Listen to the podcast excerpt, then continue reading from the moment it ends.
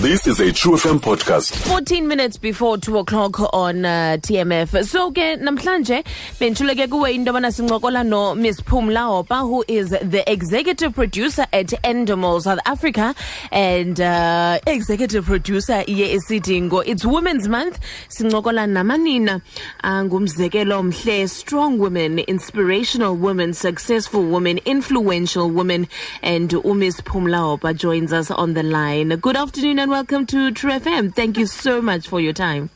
Good afternoon. Wow, all of those. I hope I meet. You do, definitely.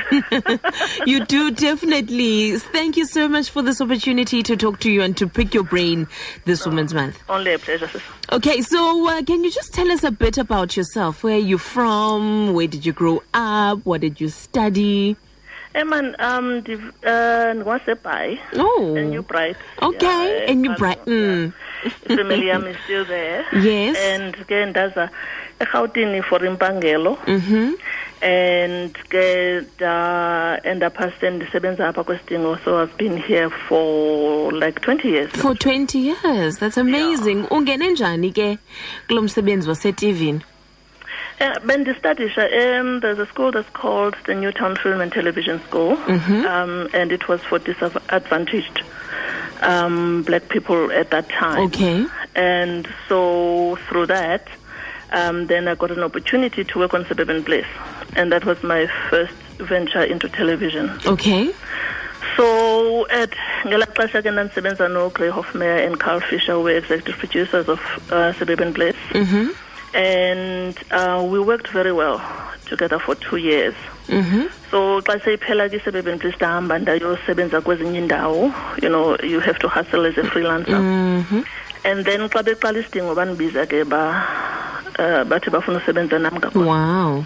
so and that was that Uh, you know xa usithi bakubiza um it, it obviously means you made a very good impression abakulibala xa bezawuqala isidingo yintoni ocinga ke mhlawumbi ibangele ukuba ungalibaleki that you made a good impression that you made your mark as as a young black woman eh xa bezawuqala isidingo?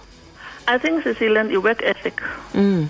you know if you prove to your uh, principals that you have a good work ethic and they can see that you have passion for what you are doing then you know xa sebegqibile ukusebenza nawo on one project on the next one they'll want to work with you. Mm. you know you have to understand and um, love what you're doing. And you know as a, a black person at that point and it was really the early 90s it was difficult with white people and and, and all that you know. Apartheid kakuhle ayikapheli nangoku anyway. Mm. Um, but I I had to be strong and work hard, and so that tenacity, um, you know, made them think of me when they were um, starting Isidingo. Mm, you you are now executive producer. Uh, ingaba mhlawumbi zeziphi challenges that come with being executive producer in uh, having that title and that position of executive producer on a very very big production in South Africa and are there specific challenges that you go through because you are a woman in this cutthroat industry Ever since all the time, there's always a, the boys' club. Everywhere you go, there there'll always be a boys' club. So that's something that one has to deal with um, really quite frequently, which is surprising in 2018 yes that what I had been fighting early in my life, it's still some challenges that I, f- I have to fight as well um, today. So, um, fighting the boys' club is is, is, is a huge challenge. Um, and as an executive producer of a show this big, you manage over 100 people mm. on a daily basis. They're your children. You know, you have your HODs who manage the, the different departments and so on. But at the end of the day, if you don't manage the production well, then the production is going to be an unhappy, unmanageable production. So you have to lead by motivating uh, people every day. which means you have to be motivated every day so that you can have all that energy to motivate everybody every day. Wow. So um, that takes a lot of energy. But, you know, it's something you love, and if you do love people, then it's not difficult. It doesn't feel like it's difficult. You know, so that would be another thing that, you know, one has to deal with and, you know, be aware every day that when you walk into that office, your motivation has to be positive at all times, regardless of what you might feel. Mm, you know, regardless of whatever's happening in your life, you, Doesn't you need to be No one cares. motivated. no one cares. Ooh, one it, it, it hurts when you say it. you, the, the responsibility as a manager is for you to care for the other people. You know, um, so you have to find other avenues. You know, you use your friends, you use the family to then talk to about your own personal issues. But you don't come to work with those. Okay. Do you find ukuba there's an added pressure or expectation, or you are under more scrutiny to be a leader, um, a good leader, sp- specifically because you're a black woman? Yes. There's um, you are black and you're a woman. Um, the, those are difficult things to deal with. Yes. You know, if if I was male, then at least I would be half in in the boys' club. You know, so now I'm very far from the boys' club. So um, being uh, black and then a woman is it, it, it's a, a, lot of pressure that I, I am not allowed to make the same mistakes that a man would have done Yes. and then it's understood that ah no you know hey yeah man wins a mistake no i have to work extra hard to ensure that i don't make any mistake so that that is not an issue in our in, in our conversation. So ke how do you unwind relax? Ngoba ndicinga into yoba ipressure inintsi emsebenzini wakho leading all of those people more than 100 people on this production. U- uwenza njani ke okokuba u- uzive ke ngoku nawe that okay now you are centered and you're okay you can move on?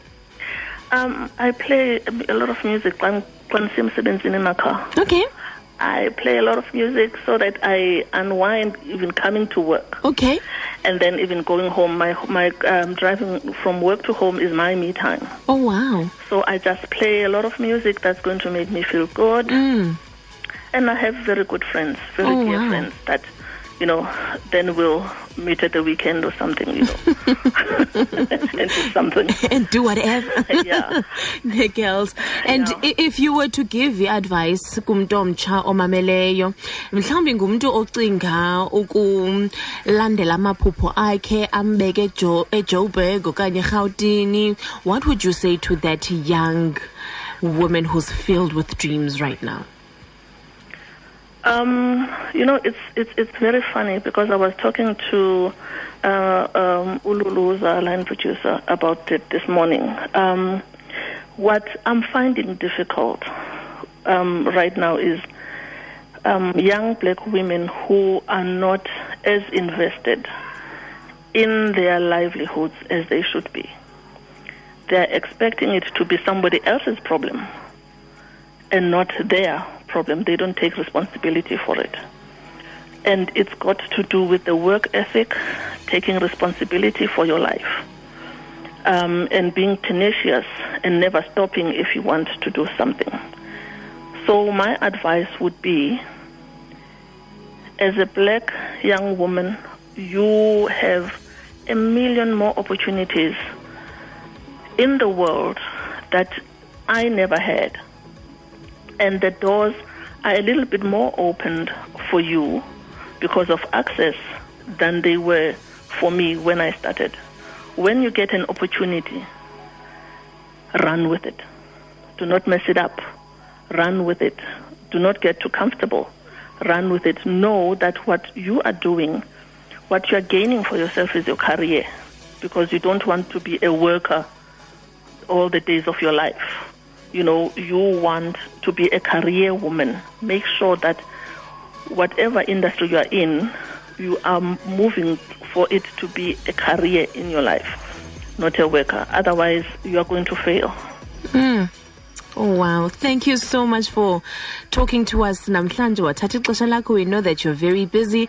Siyakubulela kakhulu and congratulations with Isidingo celebrating 20 years. 20 years. 20 years. Yeah, it is. May you have another 20 and kosho ke nawe ubufuna ukuhlala enye 20 years ku-isidingo kodwa ke yo. Kaloku mna andihleli for so long because Mm. I've grown. yes You know, I didn't jump in into being executive producer. I started at the bottom. and now Yeah. you're here and now, now I'm here. You know, so for me, it's to um, unika abanye abantwana i-chance. Okay. Uba nabo bakhule bethuna. Masithi ke may isidingo enjoy another 20 years. When may you enjoy the everything else that you are going to embark on. Siyakubulela kakhulu ngexesha lakho. Enkosi kakhulu sisi all right Bulelani. miss Pumla Hopa ngwalapha by the executive producer at isidingo. Find us online on truefm.co.za.